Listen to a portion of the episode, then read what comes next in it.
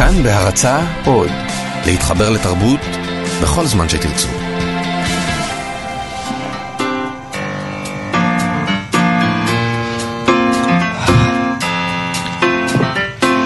מה שכרוך עם יובל אביבי ומה יעשה לה. בוקר טוב יובל אביבי, ושבוע טוב.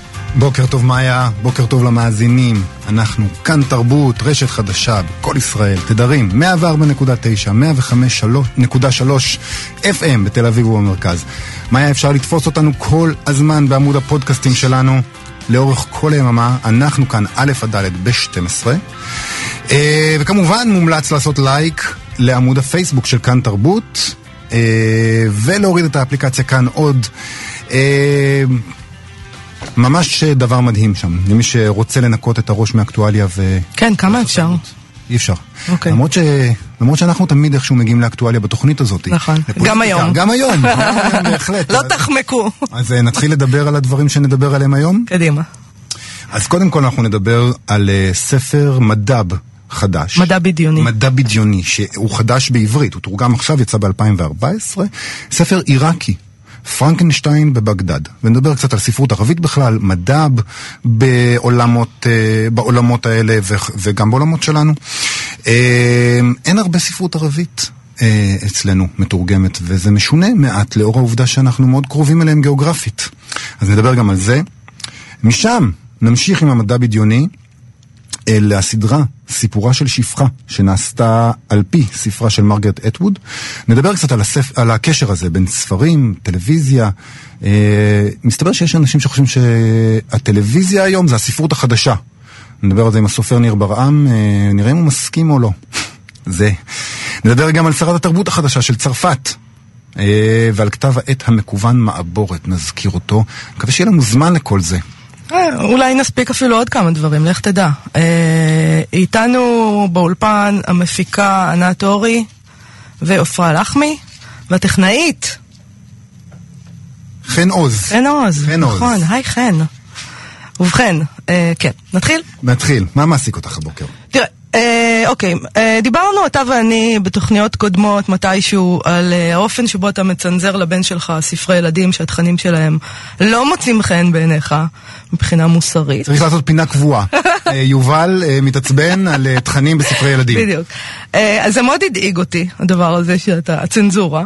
בקשר לחינוך של הבן שלי. אני מאוד, כן, אני מאוד דואגת לו. ולכן, כשהגיע אליי הספר הזה שאני אדבר עליו עכשיו, הייתי מאוד מרוצה והחלטתי להביא לך אותו מתנה. כדי שתראה. עוד אופציה להומור אה, בספרות ובחיים. אני כל כך שמח שאת דואגת לי ולבן שלי, בכלל למשפחה שלי, סופרמני. אוקיי, אז ככה, מדובר בספר של לואיס לורי, כן. שנקרא ווילובי, משפחה מהספרים. יש לו כריכה מאוד יפה. הוא מאוד יפה, הוא ראה אור בהוצאת ידיעות ספרים והוצאת טל מאי, ותורגם מאנגלית על ידי מאיר אפירון. עכשיו, הדבר הראשון שמצא חן בעיניי זה הקרדיט שניתן לכותבת והמאיירת, לואיס לורי, נכתב ברשעות ואויר בנבזות על ידי הסופרת, שזה כבר מצא חן בעיניי. א- אין ספק שזה מצא חן, כי- כי נבזות רשעות ורשעות זה. שמך האמצעי. כן. יפה. אחר כך קראתי את גב הספר כדי להבין במה מדובר, והנה אני אקריא לך. ולמאזינים. קדימה. על מה מדובר פה? ארבעת ילדי משפחת ווילובי, טים, ברנבי א', ברנבי ב' וג'יין, שוקלים את האפשרות להתייתם. זה לא מפתיע. זה את רוצה שאני אקריא לבן שלי, תודה. רבה. זה לא מפתיע שכן מדובר במשפחה מיושנת, כמו בסיפורים הקלאסיים, וההורים, טוב, הם ממש לא מציאה, אוקיי? וזה ממשיך. עכשיו, מדובר כאן, הספר הזה הוא בפרודיה על המוסכמות בספרי ילדים. זה סאטירה משעשעת, אני- ואני חושבת שזה דבר נהדר. אה, אני. אתן לך דוגמה... להתייתם זה דבר- נ- נפלא. אני אתן לך דוגמה לתיאור של ההורים בספר, אני כן. מקריאה מעמוד 12. אוקיי. אביהם, אדם חסר סבלנות ונרגן, יצא מדי יום לעבודתו בבנק עם תיק מסמכים ומטריה גם כשלא ירד גשם. אמם, העצלנית ורעת המזג, לא עבדה. גם כשהכינה את הארוחות בחוסר רצון ניכר, היא ינדה את שרשרת הפנינים שלה. פעם היא קראה ספר, אבל- הוא עורר בסלידה כי היו בו שמות תואר. מדי פעם היא העיפה מבט במגזין. לעתים קרובות שכחו ההורים של בני ווילובי שיש להם ילדים, והם התרכזו למדי כשהזכירו להם. מבין- אבל מה הכי מרגיז אותי מה- מהטקסט הזה? לא אכפת לי. אתה לא צוחק אפילו. לא, לא, אני אגיד לך מה מרגיז אותי. אתה במצב קשה. אני שומע את הקטע הזה לראשונה עכשיו. אוקיי. את חושבת שמה שמפריע לי זה שהם הורים לא טובים, או שהם רעים לילדים שלהם. לא, מפריע לי שהאבא הולך לעבודה והאימא אמורה להישאר בבית ולא לעבוד, ומבשלת. אפילו בספר כזה, התפקידים המגדריים כל כך קשוחים ומוגדרים. מה אתה יהיה? פשוט שיא הצדקנות. שאי פעם מישהו ראה על פני כדור הארץ. תשמע, אני זוכרת שהייתי מקריאה, אה, קוראת עם הבת שלי את מטילדה של רועל, של, מטילדה של רועל דל. כן. שזה אחד הספרים ששתינו הכי אהבנו. אה, אני, בגלל שאני מאוד אגואיסטית, תמיד היה לי חשוב להקריא לה דברים שגם אני אוהבת, כי אחרת פשוט אני מתה משעמום.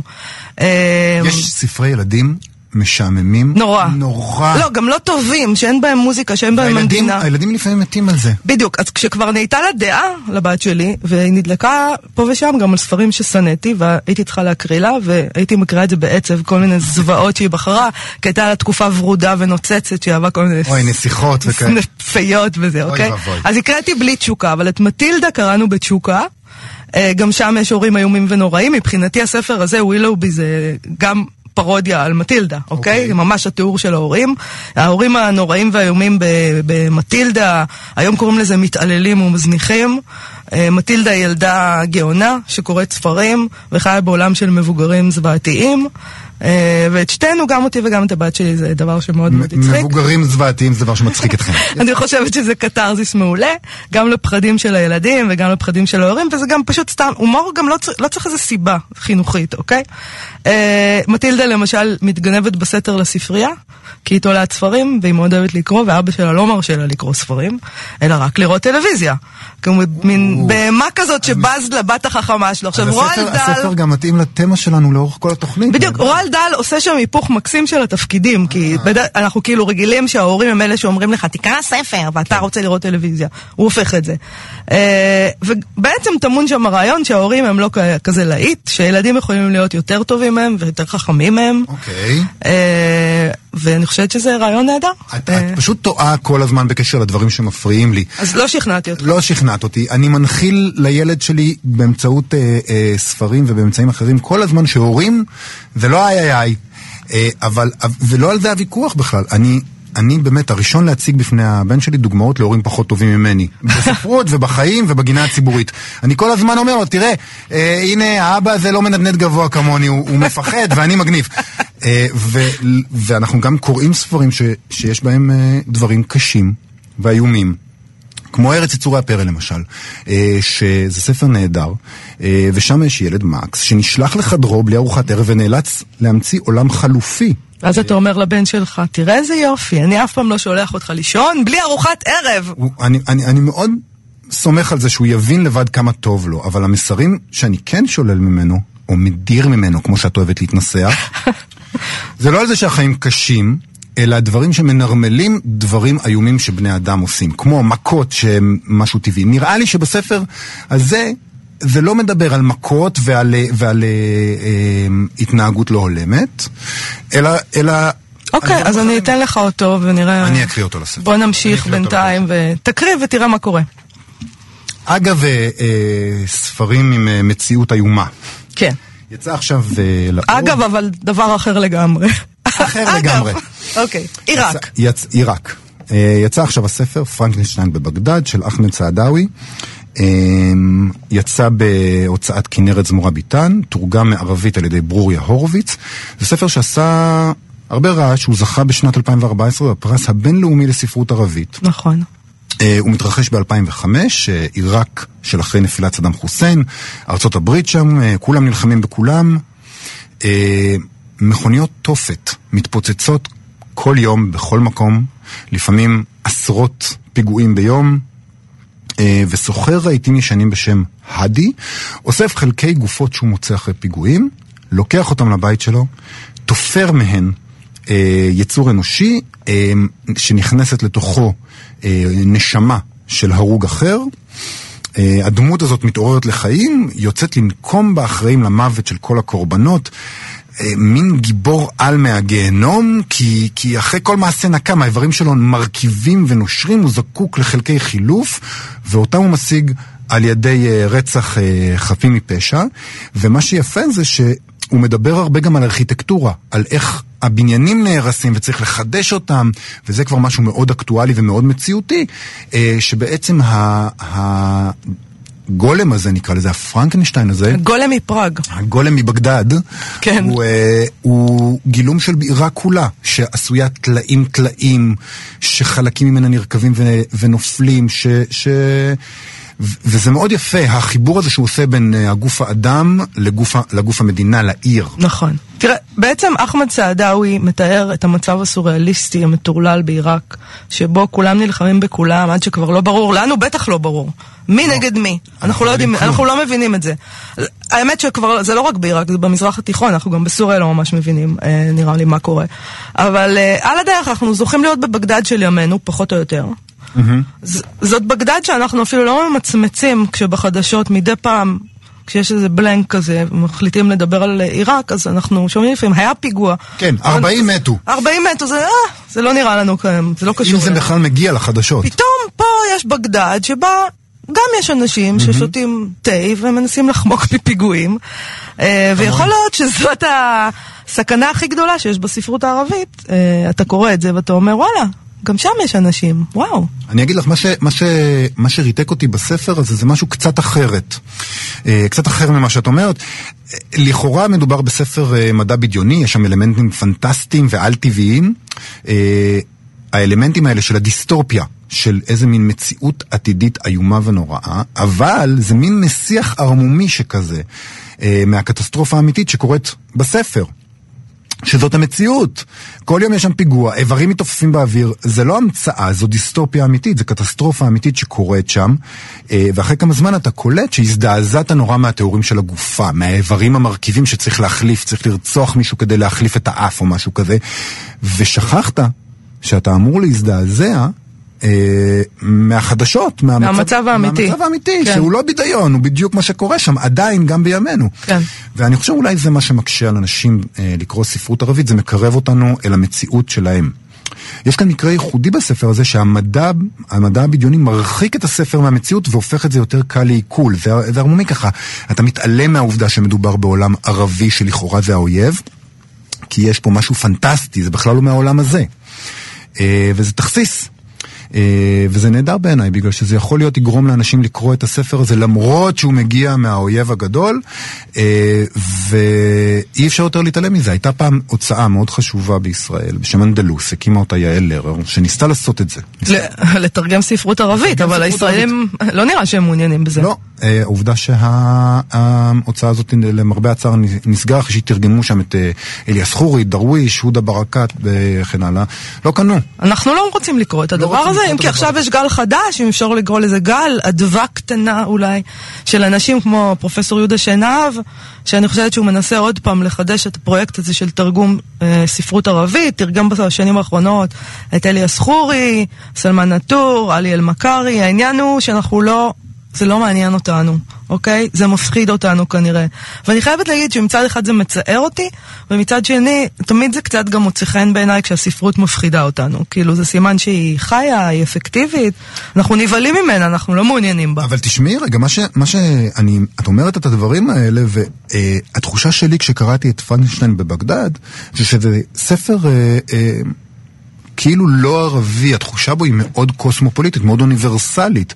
אה, כן, יש, אה, יש בו אלמנטים מהתרבות העיראקית, אבל בגדול הרגשתי שהוא יכול להתרחש בכל מקום. הוא כתוב כמו ספר מערבי. אה, אז אתה, בעצם, מה שאתה אומר פה זה שאתה גזען. אה, תודה.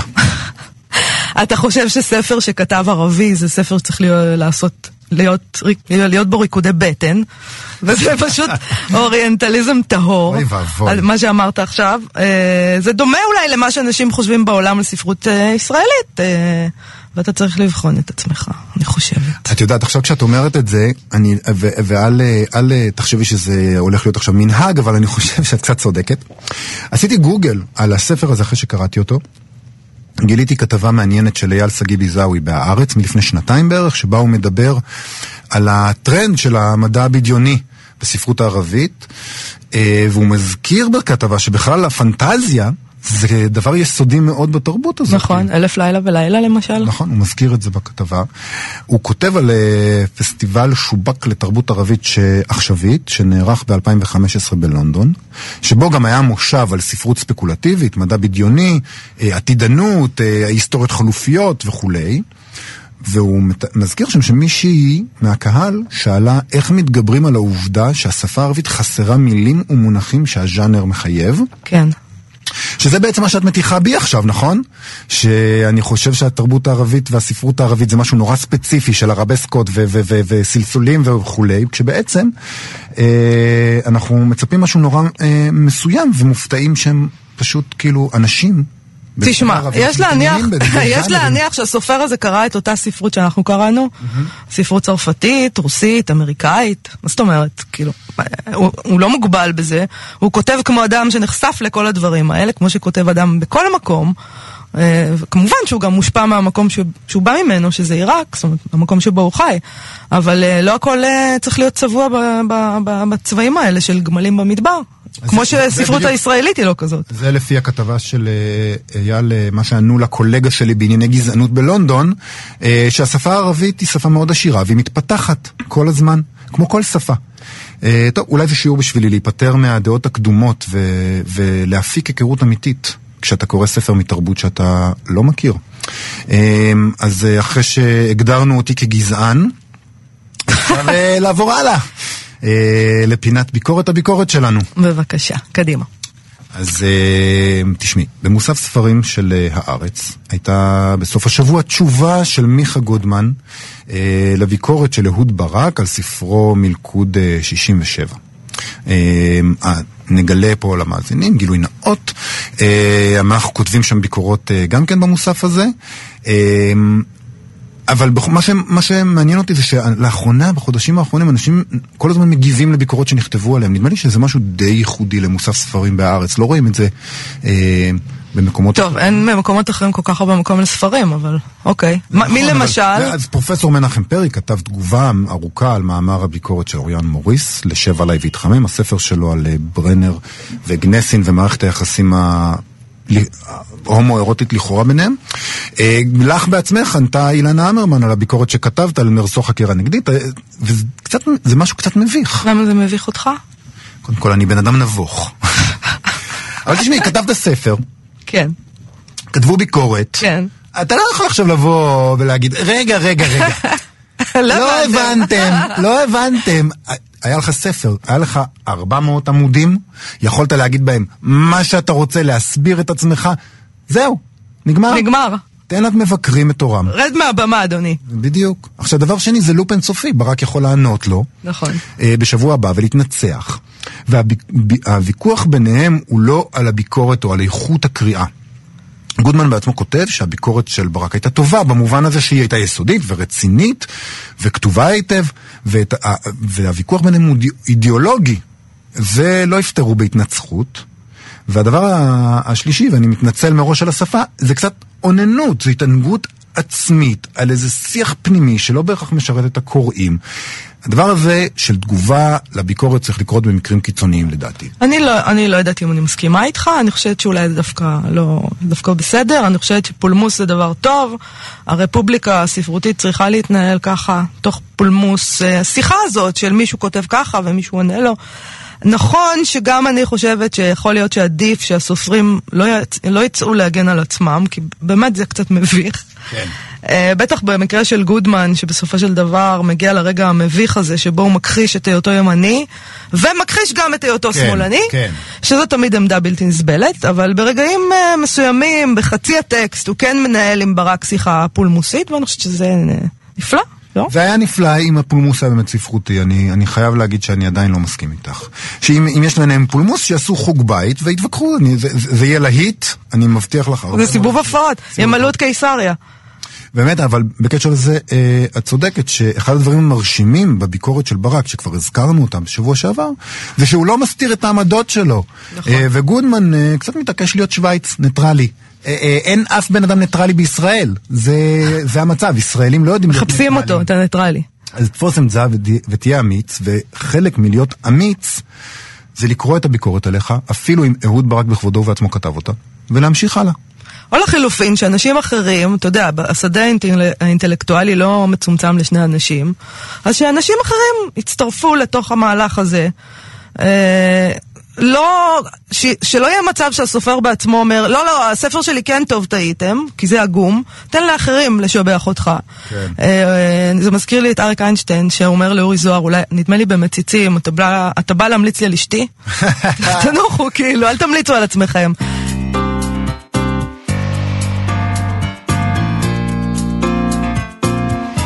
אני רוצה להגיד משהו על מדב, שהתחלנו לדבר, מדע בדיוני. קדימה. אה, אנחנו כמו אנשי ספרות לא מעטים, אה, די מתנשאים על הסוגה הזאת, בוא נודה.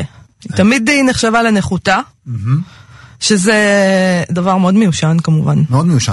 כאילו. אנחנו מיושנים. מאוד. אה, בעיקר אתה, אגב. אני עוד מנסה להתגבר. נכון, אני הרבה יותר שמרן ממך, זה לא מתאים לך. ואתה, ואתה הרבה יותר צעיר ממני, כך ש... טוב. תחיה עם עצמך. בכל אופן, האמת היא שבכל פעם שאני קוראת ספר מהז'אנר הזה, אה, שהוא מוצלח, אז אני אומרת לעצמי מחדש, איזה שטות זה להתנסה על הז'אנר הזה. שיכול להיות נהדר, עמוק, מסעיר, ואתה יודע, דווקא בזמנים בהם שאנשים מרגישים שאולי הם לא יכולים לומר כל דבר, אה, כי הם חיים בכל מיני סוגים של משטרים, הספרות הזאת נותנת אפשרות לתאר עולם דמיוני כביכול באמצעות הז'אנר הזה, ולומר דברים מאוד קשים ובוטים. תשמעי, מה שקורה זה, זה שאם נחזור רגע לפרנקנשטיין בבגדד, קשה לנו להגדיר את זה ממש כספרות ספקולטיבית, כי זה ספר שאומר דברים חשובים. אה, הוא אומר דבר מה משמעותי על החברה בעיראק, על החברה האנושית, ואני חושב שזה קצת שונה ממה שאת אומרת. אני חושב ש... כל פעם שיש ספר מדע בדיוני טוב, שאומר דברים מהותיים, אז מיד מזדרזים לסייג את הסיווג שלו אה, כמדע בדיוני טהור. מתחילים להגיד דברים כמו... זה מדע בדיוני חברתי, זה משהו בסגנון, כאילו, אם תודה שיש פה ספר משמעותי שמשתמש בז... בז'אנר הספקולטיבי, אתה גוזל משהו מהספרות החשובה, האמיתית, הקנונית. נכון. אנחנו, יש לנו הרבה תירוצים. אה, אני נזכרתי בנהדרות של המדב דווקא עכשיו, כי אני רואה את הסדרה סיפורה של שפחה, שנעשה על פי, נעשתה על פי הספר של מרגרט אטווד. אה, מדובר ברומן דיסטופי ספקולטיבי. הנה, עוד פעם, התחילו להגיד... את מבינה? את אדווד תמיד הגדירו כמדע בדיוני חברתי, כי, כי היא חצתה את הגבולות האלה. אה, זה לא רק קהל של מדע בדיוני, זה כולם מתעניינים בספרים שלה, שהם מד"ביים באופיים, היא שברה מסגרות, אנשים לא יודעים איך להתמודד עם זה. ונדמה לי שלמרגרט אטווד אה, ממש לא אכפת להיות ברובריקה של מדע בדיוני, היא לא מתביישת בזה. אה, בסיפורה של שפחה היא מתארת עולם שמתקיים בארצות הברית של אמריקה, שהפכה לדיקטטורה צבאית תיאוקרטית. לא יכול לקרות... אה, שנקראת גלעד. Uh, הסדר החדש בגלעד מבוסס על הברית הישנה ועל ערכים שמרניים מימי התנ"ך, אבל כלשונו. בלי תורה שבעל פה. כמו שצריך. עין תחת עין זה עין תחת עין. וואו. אוקיי? ברפובליקה הזאת יש מעמדות חדשים. אה, יש שם למשל מעמד של שפחות פוריות, שנועדו להיכנס להיריון עבור זוגות מהמעמד השולט, שאינם מצליחים להיכנס להיריון. ויש הרבה כאלה, כי יש זיהום סביבה, אנחנו בעתיד, היא ראתה את זה. כן. את זיהום הסביבה שיגרום לעקרות. אה, אחד הטקסים המחרידים שהיא מתארת זה בכל חודש, בזמן הביוץ, השפחה צריכה לקיים יחסי מין עם המפקד, האדון שלה, בזמן שאשתו של המפקד יושבת מאחוריה ומחזיקה לה את הידיים. תשמעי, אני, אני ראיתי רק שני פרקים, אמ, אבל אה, מהסדרה הזאת, אבל יש עכשיו לא מעט אה, אה, עיבודים של אה, ספרים לסדרות, אני תמיד מרגיש שזה נעשה באופן לא הגון, שחוטא לספר, כי בטלוויזיה מיד מגבירים את האמפליטודה של הזוועה למקסימום. בספרות וגם בספרים של מרגרט אדווד, יש, זה לא שזה לא מזוויע בספרים, אבל יש שם משהו טיפה יותר מדוד, משהו שיותר מת, בעורמה חומק לך מתחת לאור.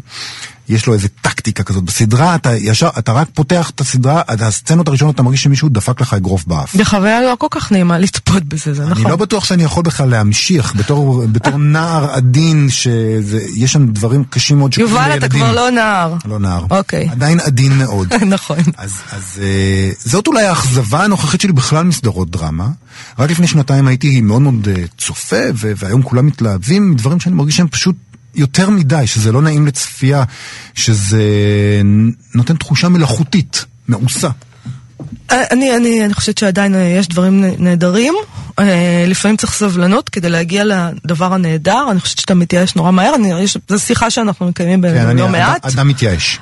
אני מבינה אותך, יש לך תינוקת בבית, אין לך כוח לזה, הילדים שלי כבר גדולים, יש לי אבל סבלנות. לספרים יש לי כוח.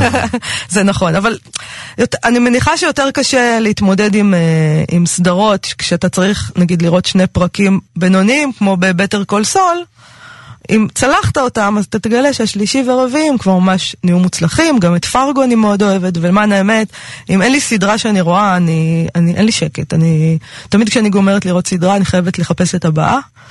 אה, לפעמים אני רואה כמה סדרות במקביל, כי אם לא, אני אצטרך לראות אקטואליה.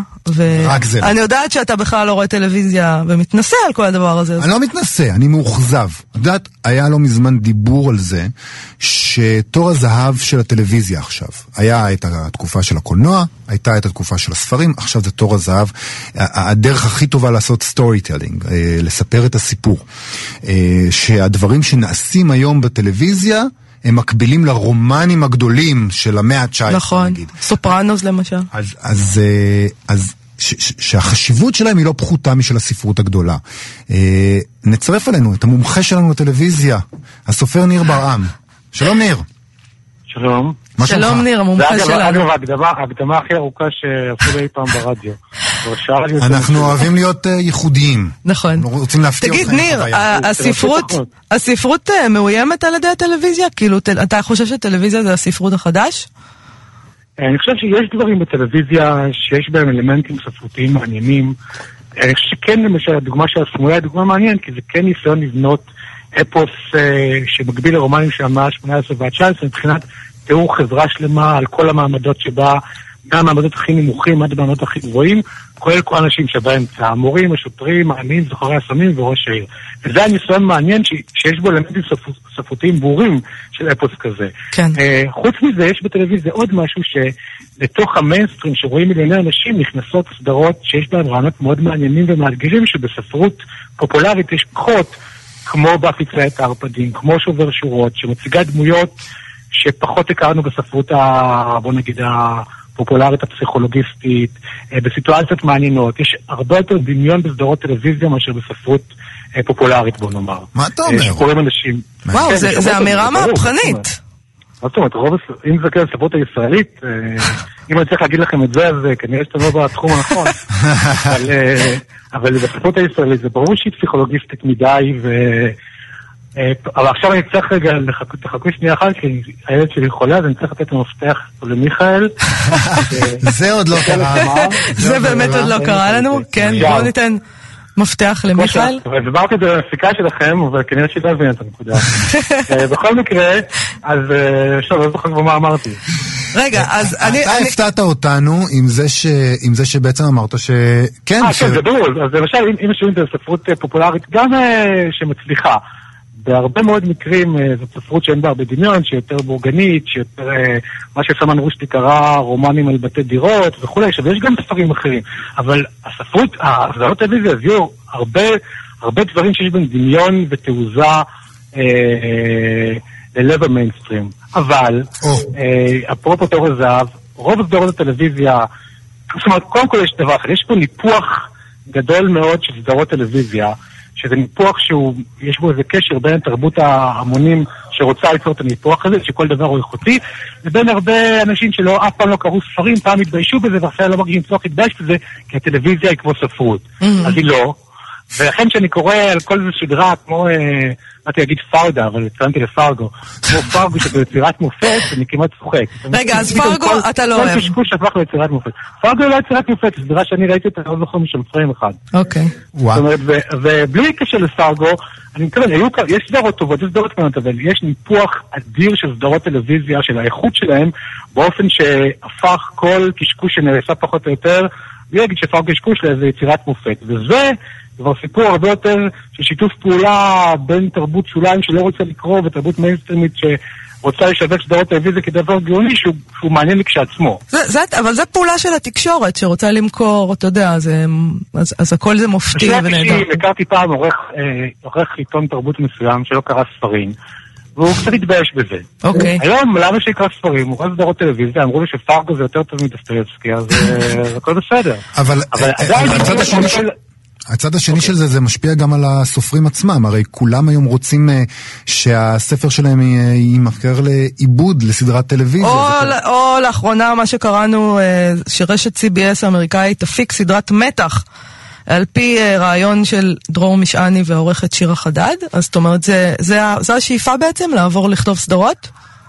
לא, זה לא לא שאיפה לעבור לכתוב סדרות בהכרח, אבל אני חושב שבספרות, בלי קשר בכלל לשאלה אם, ה- אם הספר שלך יעובד או לא, יש נטייה בשנים האחרונות לסנסציה, ואם אין בעמוד הראשון איזה גופה או תעלומה או שאלה, הרעיון של סדרות טלוויזיה בוא מקרים זה אתה מציג תעלומה נורא מהר. כן. שאלה, מי רצח אותו? בהרבה ספרים יש את הנטייה הזו שפתאום בעמודים הראשונים אתה אומר, אוקיי, מי רצח את הילדה? מתה ילדה, מתו אלף ילדות, ו- ואתה רואה שה, שהאופי הזה של, של תעלומה שצריך לפתור, מחלחל גם לספרות שהיא לאו דווקא בראשית, היא גם ספרות אה, יותר, אה, נגיד, בשלב יותר רצינית. וזה דבר שכאילו בספרות בדרך כלל לא צריך להיות בהכרח, כי יש בספרות תהליך שהוא יותר איטי ויותר עמוק. למשל, סתם כדוגמה קטנה, הספר של הסופר הנורבגי, שאני אף פעם לא יודע להגות את שמו, וקראתי אותו, אה, אה, המאבק שלי, כן. על, או ב... קנאוסגרד. שאני קראתי נאוסגרד. אותו- קנאוסגרד. כן, שהוא מעין, הוא מעין, אה, הוא מעין היפוך של המגמה, הוא אומר אם הספרות לא יכולה להתחרות בטלוויזיה, נחזור לדברים שהספרות עשתה פעם כמו פרוסט. יש בו חוויית עומק, פסיכול... בלי... זה אגב זה לא ספר גאוני, אבל יש בו חוויית עומק פסיכולוגית שמתארת ילדות בניואנסים דקים של תיעוד דמויות, של מורכבות סיטואציות, של זמן, שאי אפשר למצוא בטלוויזיה. זאת אומרת, האופן שבו אתה מעביר תודעה אנושית בכזה עומק וכזו רמה של ניואנסים ודקויות, וזה לא יכול לעשות, בלי להתחרות עכשיו. וזה הדברים שהספרות תמיד יותר טובה בהם. אי אפשר להתחרות בטלוויזיה, לדעתי גם לא בדמיון, אבל בקידוח לעומק, בסופו של דבר, אני חושב שהספרות אה, מקום שטלוויזיה לא יכולה להתחרות בו באמת. ולכן שני הדברים יכולים לחיות ביחד, אבל השאלה לגבי הטלוויזיה היותר מעניינת זה איך נוצר מצב שפתאום, זאת אומרת, אני חושב שדווקא התהליך של הניתוח של סדרות הטלוויזיה הוא תהליך היותר מעניין, שכל קשקוש פה הפך לתופעה. הכל גאוני. שצריך לדבר עליו. רגע, ניר. איזה סדרה אתה רואה עכשיו שאתה רוצה להמליץ עליה? שהיא כן. אני לא רואה סדרות אני לא רואה סדרות כבר הרבה זמן. אגב, ראיתי הרבה, אני לא... לא התייאשת בקטע מזה. לא, אני לא הולך בקטע של אה, מישהו שלא רואה סדרות. ראיתי הרבה סדרות, אהבתי הרבה סדרות. בשנה האחרונה הדבר היחיד שאני יכול לראות, כמו שאמרת ליובל, כתרפיה בסוף היום, אחרי שהילד אה, הלך לישון סוף סוף, זה FBI Files ביוטיוב. אגב, סדרה, שאתה כאילו, אתה יודע, זה סדרה דוקומנטרית על FBI, ואז אתה כאילו רואה פרק שלם, פתאום אתה אומר, רגע, אם הם לא היו מטומטמים גמורים בדקה הרביעית, הרי ברור ש... כאילו, אתה רואה 40 דקות, ואז אתה מבין שהדי... הם לא יודעים- של הרוצח היה שם כל... הם לא יודעים לכתוב אוקיי. סיפור כמו שצריך, ה- בדוקומנטרי. לא, מה שיוצא בזה שכשאתה משווה את זה לסדרות שמראות FBI, שתמיד הם כאלה גאונים, נכון. ומדעיים ופרופייליות, אתה אומר, רגע, שתבדוק את ה-DNA שלו בדקה הראשונה, ונחסוך 39 דקות שחיפשת בן אדם שיש לו DNA בזירת הרצח. אוקיי, ניר, תודה רבה לך. אנחנו מאוד מודים תודה לך. בהצלחה לתוכנית שלכם. תודה רבה. בשורה מרעננת. תודה רבה. להתראות, ביי. נשמע שיר? כן, בוא נשמע ריאנה. זה היה ניר ברעם, הסופר, שמסתבר, הפתיע אותי שהוא אוהב אה, כמה, אה, אוהב... וגם יש את המפתח, ומיכאל, והילד, היה בלאגן, וזה, היה בלאגן. ברדק.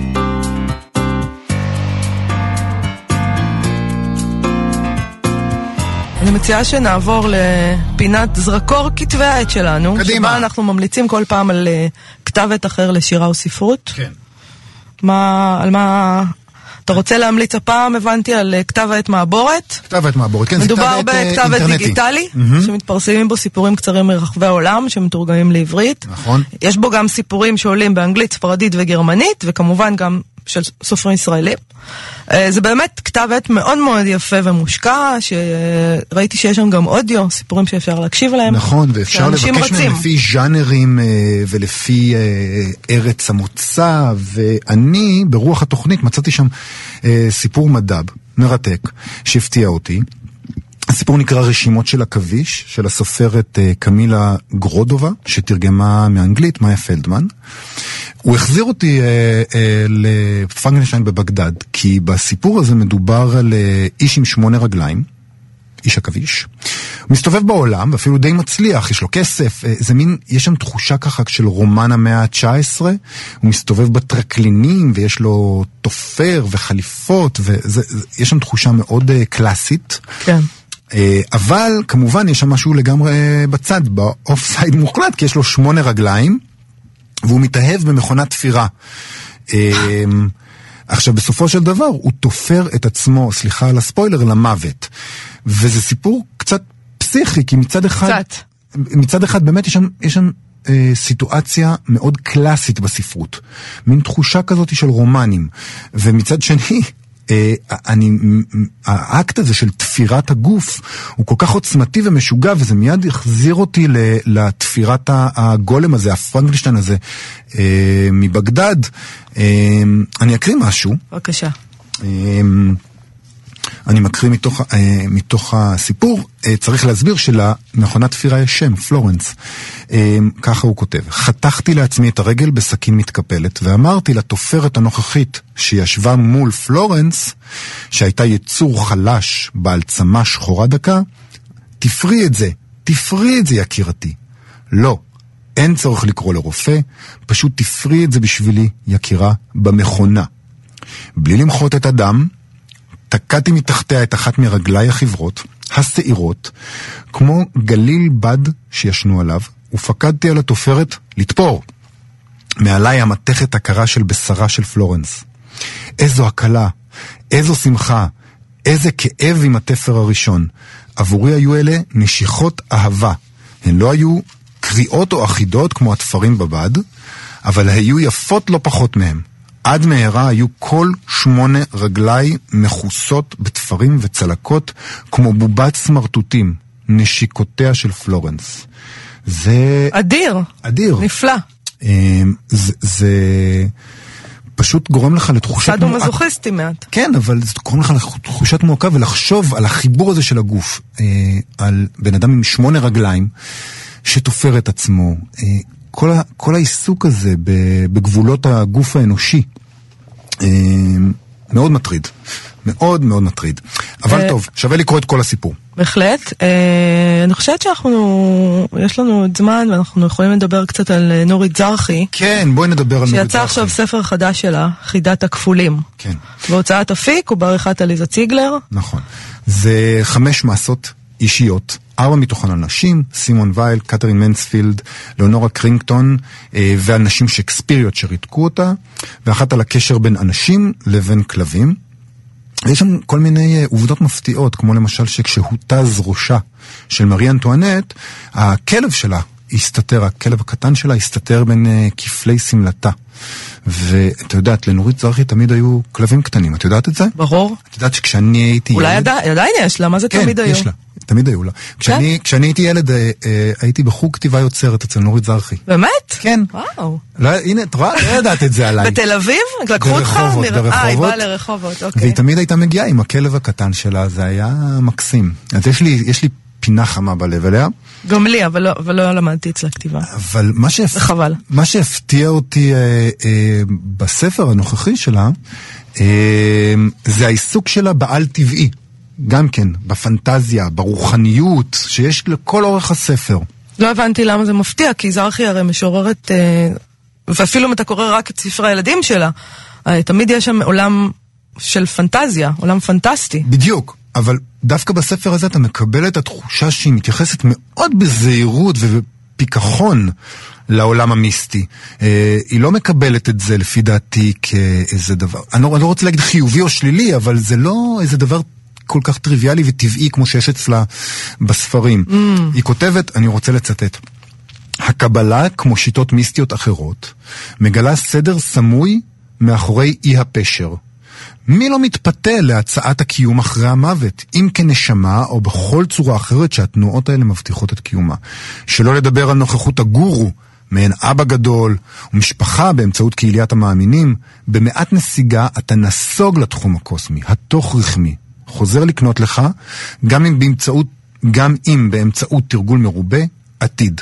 זה לא תיאור נורא חיובי של uh, החוויה המיסטית, זה תיאור uh, שאתה נצמד לעל טבעי כאיזה סוג של uh, מנגנון הגנה. היא מסיימת את, ה, את המסה שאני מצטט ממנו במילים, צריך אומץ בשביל להיות זקנים. כדי לקבל את החיים ואת עובדת המוות, כדי לקבל את החולשה והתמעטות היכולות. יכול להיות אני לא רוצה, אני מאחל לה כמובן אריכות ימים, אבל יכול להיות שככל שמתבגרים ונעשים קצת פחות צעירים, אמ, זה ב politically correct. הכי politically קצת correct. פחות צעיר. אז מתחילים קצת לראות, כן. מתחילים לראות את המוות, את העולם הבא, ופתאום מכה בך העניין הזה שאין שום דבר אחרי זה. אולי. שהנחמה היא שקרית, אתה שאני- טוען. זה, דברים נורא ארציים מה שהיא כותבת. אני, אני לא יודעת, אני רואה בזה, אולי, זאת אומרת, יש פה אופציה, לפי מה שאתה אומר לי, שמדובר כאן בהסבר דווקא מעניין לבחירות שלה. לבחירות כלומר- הספרותיות שלה? כן, לבחירה שלה דווקא תמיד להיות אה, ב, קצת סוריאליסטית. נכון, נכון? אה, ונחמה הזאת היא לא דבר שקרי בהכרח, זה דבר שריר וקיים, אנחנו צריכים נחמה. היא בוחרת בזה בכתיבה שלה. זה לא הופך אותה ליצור מיסטי שמאמין בשדים ורוחות. היא, היא בעצם פה, בטקסט הזה נשמע לי שהיא מסבירה את הבחירה הזאת. נכון, הרבה פעמים... נכון? כאילו, זה להיות בסוריאליזם, להיות מעל המציאות המאוד קשה הזאת. בספרות הילדים שלה, הרבה פעמים אתה מוצא שהילדים ממציאים איזה מציאות אה, חלופית בשבילם, וכילד, כשאני קראתי את זה כילד, אז חשבתי לעצמי שמדובר על אה, אמת, זאת אומרת שככה הדברים. אבל אני כן חושב שלתאר את המיסטיקה כמנגנון הגנה, יש בזה כאילו משהו שאומר, זה, זה, זה, שוב, אני לא רוצה להגיד חיובי או שלילי, אבל יש בזה משהו שמתייחס לזה מאוד בחשדנות. זה משהו שיש איתו בעיות.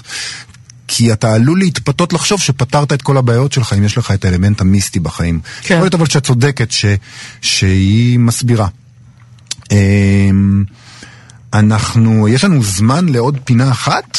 נראה לי שכן, בוא נעשה. פינת הסטטוס היומי שלנו. פינת הסטטוס היומי. שמע, אה, דוב אלפון, הסופר העיתונאי ואיש האשכולות באופן כללי, כן. אה, כתב סטטוס מאוד מעניין בפייסבוק על שרת התרבות החדשה אה, הצרפתית, שהיא מנכ"לית של הוצאה לאור Actes Sud. מדהים.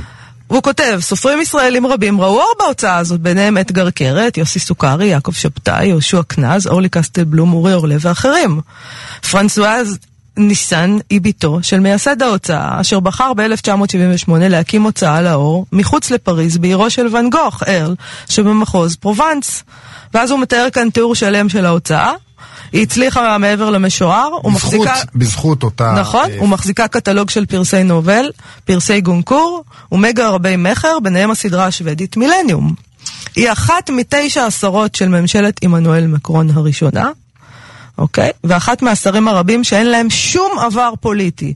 ביניהם השרה לזכויות נשים, שהיא בלוגרית פופולרית הכותבת על בעיות אי שוויון במשק הצרפתי בבלוג שלה אימא בעבודה. שזה די מדהים, לא? זה נורא. למה? אנחנו עכשיו כאנשי תרבות אמורים להתפעם מזה נכון. שיש אשת ספרות שהולכת להיות שרת התרבות. כן. אבל זה לא מרשים אותי, יש פה צ'קליסט על איזה, על איזה, אה, לעשות את זה נכון, כן? שרת התרבות תהיה מולית. אה, שר, שרת המדע תהיה מדענית, שרת הכלכלה תהיה כלכלנית. אבל מולית לא מבינה בהכרח בניהול עולם תרבותי של מדינה שלמה. בלוגרית, בלוגרית, זה מה שיש לצרפת להציע?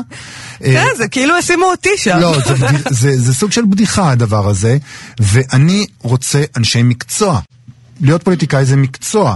להיות מו"ל, להיות פוליטיקאי זה מקצוע. להיות מו"ל, זה מקצוע אחר. עכשיו אנחנו אמורים כאילו... להתפעם מהדבר הזה, לקנא כאילו, איך, איזה יופי של... צרפתים כל כך הצרפתים נאורים. עושים את זה נכון, הם לוקחים את איש המקצוע. את היית רוצה את ראשי ההוצאות שלנו, הישראליות, להיות uh, ראש משרד, ראשי משרד התרבות? טוב, זאת שאלה קצת מכשילה.